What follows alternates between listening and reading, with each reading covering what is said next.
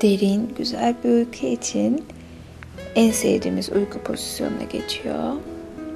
Ve derin bir nefeste gözlerimizi kapatıyoruz.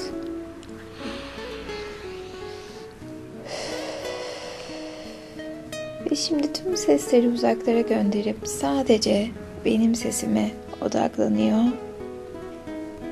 Ve çok çok çok eski zamanlarda ülkenin birinde tek bir oğlu olan bir kral yaşarmış. Bu oğlan her gün ava çıkarmış. Annesi ona şu üç tarafa istediğin yerde istediğin kadar avlan oğlum ama sakın ha şu dördüncü tarafa gitmeyesin dermiş. Kadının böyle söylemesinin sebebi oğlunun dördüncü tarafa giderse güzel prenses Labam hakkında söylenenleri duyacağını, prensesin peşine düşüp annesini ve babasını terk edeceğini düşünmesiymiş. Genç prens annesinin sözlerini dinlermiş. Ama bir süre sonra kendisine izin verilen üç tarafta avlanırken birden annesinin dördüncü tarafa gitmesine neden izin vermediğini merak etmiş. Ve gidip bunu öğrenmeye karar vermiş. Dördüncü tarafa doğru bir süre ilerleyince kendini orada yaşayan papağanla dolu bir ormanın içinde bulmuş. Sapanını çıkarıp kuşlardan birkaçını vurmaya çalıştığında kuşların kralı olan Hireman adlı papağan dışında hepsi kanatlanıp uçmuşlar. Hireman adlı papağan dalda yalnız başına kaldığını görünce diğer papağanlara bağırmış. Beni kralın oğlunun sapanıyla baş başa bırakıp Nereye gidiyorsunuz? Böyle uçup giderseniz Prenses Lamam'a şikayet ederim sizi demiş. Bu sözü duyan bütün papağanlar krallarının yanına geri dönmüşler. Bu durum karşısında çok şaşıran prens bu kuşlar nasıl konuşabiliyorlar böyle insan gibi diye kendi kendine konuşmuş. Daha sonra papağanlara dönerek kim bu prenses Lamam? Nerede yaşar? diye sormuş. Ancak papağanlar ona prensesin yaşadığı yeri söylememişler. Tek söyledikleri Prenses Lamam'ın ülkesine gidemezsin sen olmuş. Ne kadar uğraşsa da kuşların ağzından başka laf almaya genç prens başaramamış. Üzgün üzgün evinin yolunu tutmuş. Eve vardığında ne konuşacak ne yemek yiyecek haldeymiş. Günlerce yatağından çıkmamış. Gözlerinin feri kaçmış. Günler sonra nihayet anne babasına gidip Prenses Lama'mı görmek istediğini söylemiş. Gitmem lazım demiş. Nasıl biri olduğunu görmem lazım. Söyleyin bana neresi bu prensesin ülkesi? Anne ve babası prensesin ülkesinin neresi olduğunu bilmiyoruz demişler.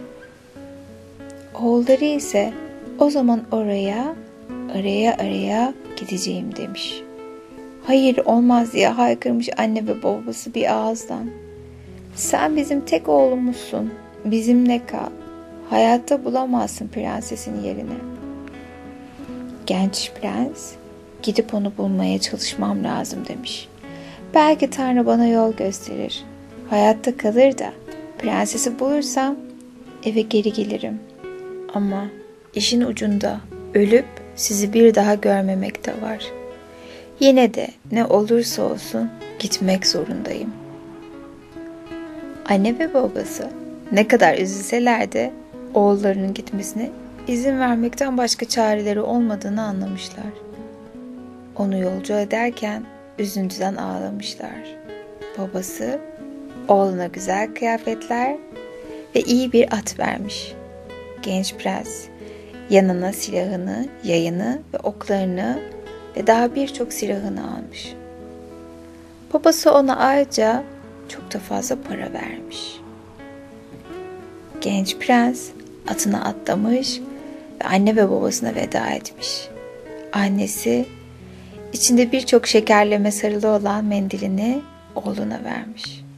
Ve oğlum acıkırsan bu şekerlemelerden ye. Yola koyulmuş. Genç prens küçük bir göl ve gölgeli ağaçların olduğu bir yere gelene kadar ormanın içinde yol almış. Ve burada durmuş. Kendini ve atını güzelce yıkamış ve bir ağacın altına oturmuş. Annemin verdiği şekerlemelerden biraz yiyeyim. Biraz da su yiyeceğim.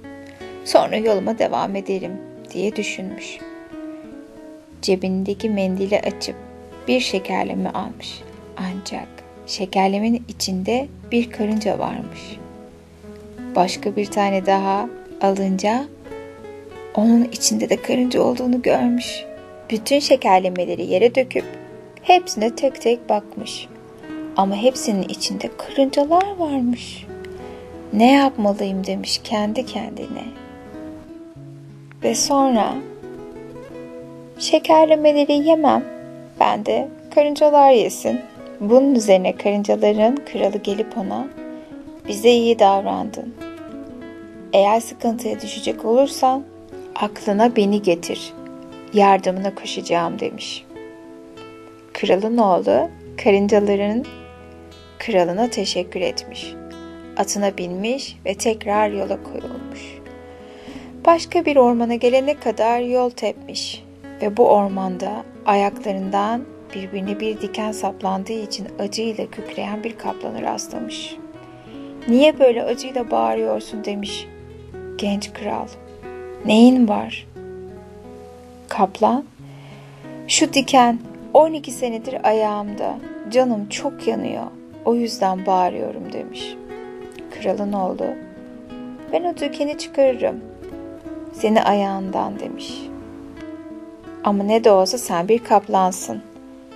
Dikenden kurtulup da iyileşince beni yemeyesin. Hayır demiş kaplan, söz veriyorum yemem. Şu dikenden kurtar beni. Genç prens cebinden çakısını çıkartmış ve dikeni kaplanın ayağından kesip almış. Ancak bu esnada kaplan öyle yüksek sesle kükremiş ki ormanın ilerisinde bu kükremeyi duyan eşi ne olup bittiğini görmek için rüzgar gibi koşup gelmiş. Eşinin geldiğini gören kaplan kralın oğlunu ormanın içine saklamış. Kaplanın eşi telaşta neden böyle bağırıyorsun? Yoksa biri sana zarar mı verdi diye sormuş. Kaplan kimsenin bana zarar verdiği yok demiş. Ama kralın oğlu gelip ayağıma batan dikeni çıkarttı. Eşi nerede hani göreyim bakalım bu kralın oğlunu diye üstelenmiş. Kaplan onu yemeyeceğine söz verirsen çağırırım diye cevap vermiş. Eşi yemeyeceğim yeter ki görmeme izin ver demiş. Eşinin bu sözü üzerine kaplan kralın oğlunu çağırmış. Onları tanıştırmış. Hep birlikte güzel bir yemek yemişler. Ve genç prens üç gün onların yanında kalmış. Her gün kaplanların ayağına bakmış ve üçüncü günün sonunda ayak tamamen iyileşmiş. Bunun üzerine kralın oğlu dostlarına veda edip tekrar yola koyulmuş. Ve bir anda kaplan ona yaklaşarak eğer bir gün sıkıntıya düşecek olursan aklına beni getir. Yardımına koşacağım demiş. Kralın oğlu az gitmiş, uz gitmiş. Sonunda üçüncü bir ormanın eteklerine gelmiş. Burada öğretmenleri ve efendileri ölmüş dört fakire rastlamış. Bu fakirlerin elinde öğretmenlerinden kalma dört şey varmış. Üstüne oturan kişiyi istediği yere götüren bir şilte, sahibine istediği her şeyi veren bir kese, elinde tutana istediği kadar su veren bir kase ve sahipleri ey sopa döv burada ne kadar adam varsa dediğinde sahibine saldıran herkesi döven bir sopayla onları bağlayan bir ip varmış. Dört fakir bu dört parça mirası bir türlü paylaşamıyorlarmış. İçlerinden biri ben bunu istiyorum. Diğeri olmaz olmaz ben bunu istiyorum diye karşı çıkıyormuş. Kralın oğlu fakirlerin yanına giderek kavga etmeyi bırakın demiş. Şimdi ben dört tane ok atacağım ve her birini dört yöne doğru atacağım. İlk oku yakalayan ilk miras olan şitteyi alacak. İkinci oku yakalayan ikinci miras olan keseyi alacak. Üçüncü oku yakalayan üçüncü miras olan keseyi alacak. Ve dördüncü oku yakalayan da son miras olan sopayla ip alacak. Fakirler bunu kabul etmişler. Ve genç prens ilk okunu atmış. Fakirler okun peşinden koşmuşlar. İlk ok geri geldiğinde kralın oğlu ikinci oku atmış. İkinci ok geldiğinde üçüncüyü fırlatmış. Bu ok geri geldiğinde ise son oku fırlatmış. Fakirler son oku aramaya gittiklerinde kralın oğlu atının iplerini çözüp onu ormana salmış ve sonra şiltenin üzerine oturmuş. Kaseyi, iple sopayı ve keseyi de yanına almış. Daha sonra Şilte beni Prens Lama'nın ülkesine götür demiş. Şilte bu sözlerin üzerine aniden havalanıp uçmaya başlamış. Prenses Lama'nın ülkesine gelene kadar hiç durmadan uçan Şilte burada yere inmiş. Kralın oğlu ilk gördüğü kişileri burası kimin ülkesi diye sormuş. Adamlar Prenses Lama'nın ülkesi diye cevap vermişler. Daha sonra genç kral yaşlı bir kadının yaşadığı bir eve gelene kadar yol almaya devam etmiş. Kadın, kralın oğluna kimsin sen, nereden geliyorsun diye sormuş. Kralın oğlu da çok uzaklardan bir ülkeden geliyorum demiş. Bu gece evinizde kalmama izin verir misiniz? Olmaz demiş kadın. Kalamazsın burada. Kralımızın emri var. Başka ülkelerden gelen erkekler bizim ülkemizde kalamazlar. O yüzden evimde kalmana izin veremem. Genç prens, sen benim teyzem sayılırsın demiş. Bırak bu gece evinde kalayım. Gece gece ormana gidecek olursam vahşi hayvanlara yem olurum. Peki diye cevap vermiş yaşlı kadın. Bu gece burada kalabilirsin ama sabah olduğunda gitmelisin. Kral geceyi benim evimde geçirdiğini duyacak olursa yaşıma bakmadan zindana atarlar beni. Böylece yaşlı kadın genç prensi evine kabul etmiş. Kadın akşam yemeği pişirmek için kalktığında kendisine yapılan iyiliğe zaten minnettar olan genç prens teyze demiş. Yemek işini bana bırak. Elini kesesinin içine sokup ey kese bize biraz yemek ver demiş. O anda masada iki altın tabak içinde enfes yemekler belirmiş. Yaşlı kadın ve kralın oğlu karınlarını güzelce doyurmuşlar. Yemekleri bittiğinde yaşlı kadın su getirmek için ayağa kalkınca genç prens gitme demiş. Şimdi şuracıya istediğin kadar su getireyim ben. Kesesini eline almış. Ey kese bize su ver demiş. Kase suyla dolmuş ve su taşacak gibi olduğunda genç raca dur ey kese diye bağırmış ve kese dolmayı bırakmış. Gördün mü teyze demiş. Bu kaseyle ne zaman olursa olsun istediğim kadar su bulabilirim. Gece iyice çöküp etrafta göz gözü görmez olunca genç prens teyze demiş. Lambaları yakalım mı artık? Yaşlı kadın olmaz demiş. Kralımızın emri var. Ülkemizde insanların ışık yakmaları yasak. Çünkü hava kararınca kızı Prens Lama çıkıp ortaya oturur ve onun güzelliği adeta ay gibi evlerimizi, sokaklarımızı aydınlatır. Gündüz gibi görürüz her yeri. Hava iyice karardığında prenses yatağından kalkmış, güzel kıyafetlerini giymiş, mücevherlerini takmış, başına elmaslardan ve incilerden yapılma birkaç taç geçirmiş ve saçlarını toplamış. Ay gibi parlayan prensesin güzelliği geceyi bir anda gündüze çevirmiş. Odasından çıkıp sarayın çatısına oturmuş. Prenses gündüzleri hiç görünmez, sadece geceleri odasından çıkarmış. Kralın oğlu hiç kıpırdamadan uzun uzun prensesi seyretmiş. Kendi kendine bu ne güzellik diye düşünmüş. Gece yarısı gelip de herkes evine gittiğinde prenses de çatıdan inip odasına gitmiş. O uykuya daldığında kralın oğlu uykusundan uyanıp Şilte'nin üstüne bağdaş kurmuş. Şilte demiş, beni Prenses Lama'nın yatak odasına götür. Şilte de onu alıp prensesin uyuduğu odaya götürmüş. Genç prens kesesini eline alıp bana hurma yapıver demiş. Ve bu hurmaları prensesin yatağının kenarına koymuş. Ve şiddetine onu tekrar yaşlı kadının evine götürmesini istemiş. Ertesi sabah prensesin hizmetkarları yatağın kenarındaki hurmaları bulmuş ve onları yemeye başlamışlar. Prenses bu hurmalar da nereden geldi diye sorduğunda yatağın kenarında bulduk demişler. Genç prensin gece gelip de o, ya, o hurmaları oraya koyduğunu hiç kimse bilmiyormuş.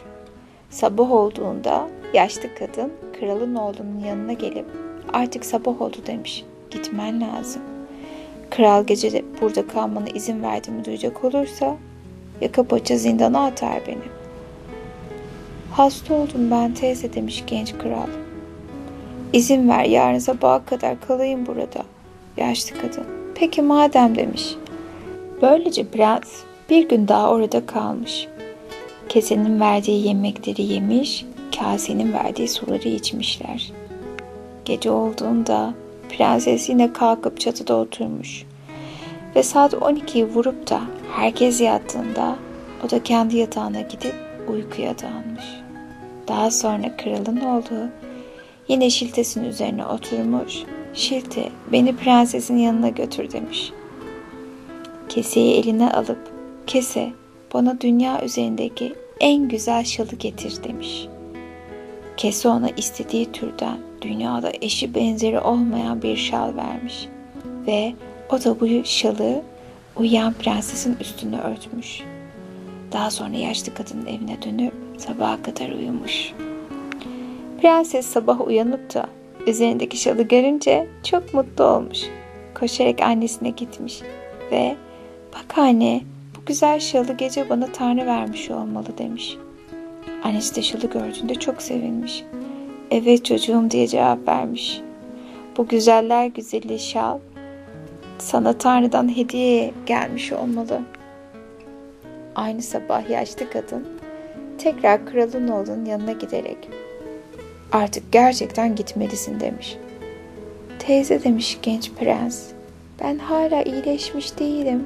Bırak birkaç gün daha kalayım. Saklanırım evinde. Kimseler görünmez. Yaşlı kadın da kalmasına izin vermiş. Hava tekrar kararıp gece olduğunda prenses yine güzel giysilerini giymiş, mücevherlerini takmış ve çıkıp çatıya oturmuş. Gece yarısı olduğunda ise uyumak üzere odasına gitmiş. Kralın oğlu da şiddetine oturup onun odasına gitmiş. Kesesini eline alıp ''Ey kese bana çok güzel bir yüzük ver.'' demiş. Kesenin içinden gösterişli mi gösterişli bir yüzük çıkmış. Genç prens uyandırmamaya gayret ederek prensesin parmağına yüzüğü geçirmiş ve onda prenses korkuyla uykusundan uyanmış. Kimsin sen diye bağırmış kralın oğluna. Nasıl geldin benim odama kadar? Prens, korkma prenses demiş. Hırsız değilim ben. Büyük bir kralın oğluyum. Ormanda yaşayan papağan Hiraman bana senden bahsetti. Ben de annemi, babamı, neyim varsa hepsini geride bırakıp seni görmeye geldim. Peki diye cevap vermiş prenses. Madem öyle büyük bir kralın oğlusun canını bağışlayacağım ve anneme ve babama seninle evlenmek istediğimi söyleyeceğim demiş. Kralın oğlu yaşlı kadının evine dönmüş ve sabah olduğunda prenses annesine gidip büyük bir kralın oğlu ülkemize gelmiş ve ben onunla evlenmek istiyorum anne demiş. Kadın bu durumu krala anlatmış. Kral güzel demiş ama eğer kralın oğlu biricik kızımla evlenmek niyetindeyse önce bana kendini ispatlamalı, istediklerimi yapmalı. Beceremezse bunu canıyla öder. 40 kilo hardal tohumunun yağını bir günde sıkıp çıkaracak. Yapamazsa alırım canını demiş.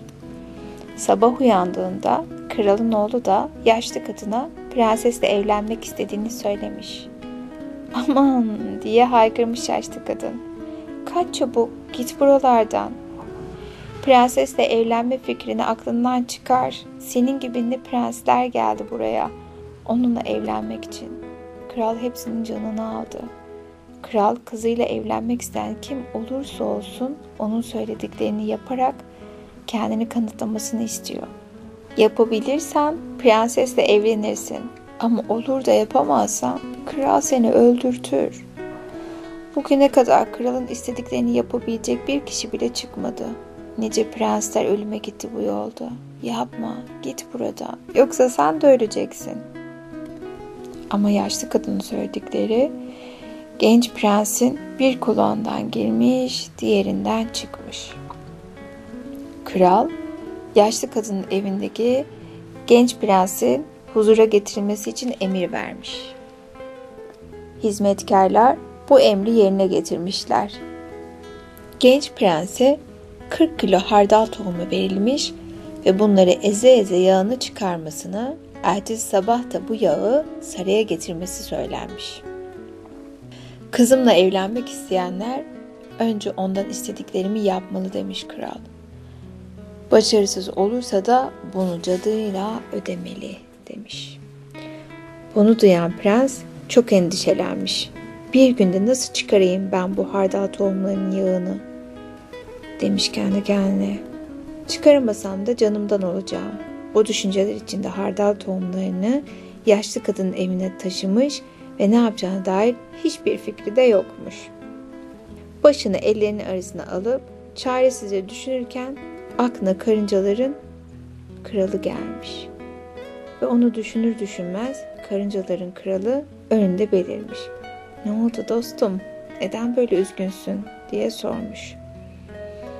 Kralın oğlu 40 kilo hardal tohumunun olduğu çuvalı gösterip bu kadar hardal tohumunun yağını sabah kadar nasıl sıkacağım ki ben? Yarın sabah bu yağı krala götürmezsem canımı alacaklar demiş. Endişelenme demiş karınca. Sen yatıp uyumana bak. Biz gelip bu tohumların yağını çıkarırız. Sen de bu yağı yarın krala götürürsün. Kralın oğlu karıncanın dediğini yaparak yatıp uyumuş. Karıncalar da durmadan, dinlenmeden hardal tohumlarının yağını çıkartmışlar. Genç prens sabah kalkıp yağın hazır olduğunu görünce çok sevinmiş. Yağı aldığı gibi kralın huzuruna koşmuş ama kral bu sefer de yine de hemen kızımla evlenemezsin demiş. Eğer evlenmek istiyorsan önce iki iblisine savaşıp onları öldürmelisin. Kral uzun süre önce iki iblis yakalamış, daha sonra onları ne yapacağını bilemediği için kafese kilitlemiş. İblisleri nasıl öldüreceğini bilmiyor. Ama ülkesindeki herkesi öldürürler diye onları sarı vermeye de çok korkuyordu. Bu yüzden prens lakabımı hak ediyorsa ve kızımla da evlenmek istiyorsa bütün krallar ve prensler bu iblislerle savaşmak zorunda. Birisi çıkıp onları öldürecek. Olursa kral da bu dertten kurtulmuş olacakmış. Kralın oğlu iblislerle savaşmanın nasıl olduğu hakkında hiçbir fikri yokmuş. Ve bunu duyduğunda çok üzülmüş. Ne yapacağım ben şimdi demiş kendi kendine. Ben nasıl savaşayım ki bu iki ibliste? Böyle düşünüp dururken aklına kaplan dostu gelmiş. Ve o anda kaplan ve eşi karşısında belirmişler. Ne oldu dostum? Neden böyle üzgünsün diye sormuşlar. Kralın oğlu Kral iki iblisle dövüşüp onları öldürmemi istiyor. Ben nasıl dövüşeyim ki iki iblisle diye cevap vermiş. Kaplan korkma demiş. Biz ikimiz senin yerine dövüşürüz onlarla. Bunun üzerine kralın oğlu kesesinden altın ve gümüş işlemeli inci ve elmaslarla süslenmiş iki kaftan çıkartıp kaplanları giydirmiş ve onları kralın huzuruna çıkarıp benim yerime iblislerle bu kaplanlar savaşabilir mi majesteleri diye sormuş. Asıl amacı iblislerin ölmesi olan kral bunu kabul etmiş. O zaman çağırın iblislerinizi demiş kralın oğlu. Bu kaplanlar onlarla dövüşecek. Kral iblisleri çağırmış ve kaplanlar iki iblisi öldürene kadar devam etmişler. Çok iyi demiş kral. Ama kızımla evlenmene izin vermeden önce bir şey daha yapman lazım. Göklerde bir yerlerde bir davulun var. Gidip onu çalacaksın. Çalamazsan da canını alacağım. Bunları duyan kralın oğlu aklına hemen küçük çilte gelmiş.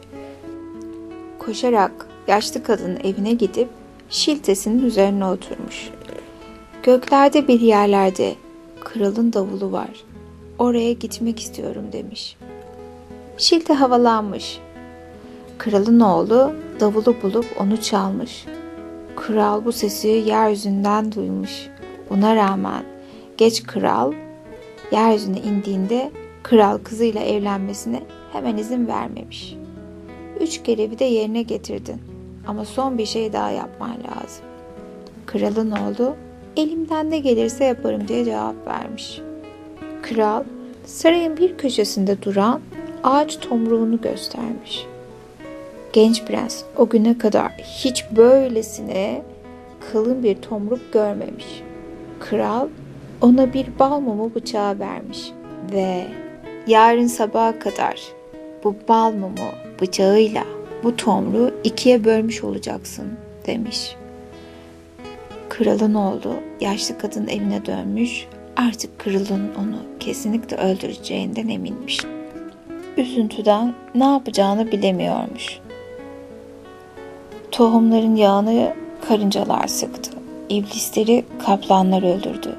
Beni davulla şiltem götürdü. Peki şimdi ne yapacağım? Şu ufacık şeyle koca tomruğu nasıl ikiye bölerim diye kendi kendine konuşmuş. Gece olduğunda şiltesine oturup prensesin yanına gitmiş. Yarın babam beni öldürecek prenses demiş. Prenses endişeyle neden diye sormuş. Minnacık bir bal mumu bıçağıyla koca bir ağaç tomruğunu ortadan ikiye bölmemi istiyor. Böyle bir şeyi başarmam mümkünatı yok. Prenses korkma demiş. Sana dediklerimi yaparsan tomruğu ikiye bölmek çocuk oyuncağı olur.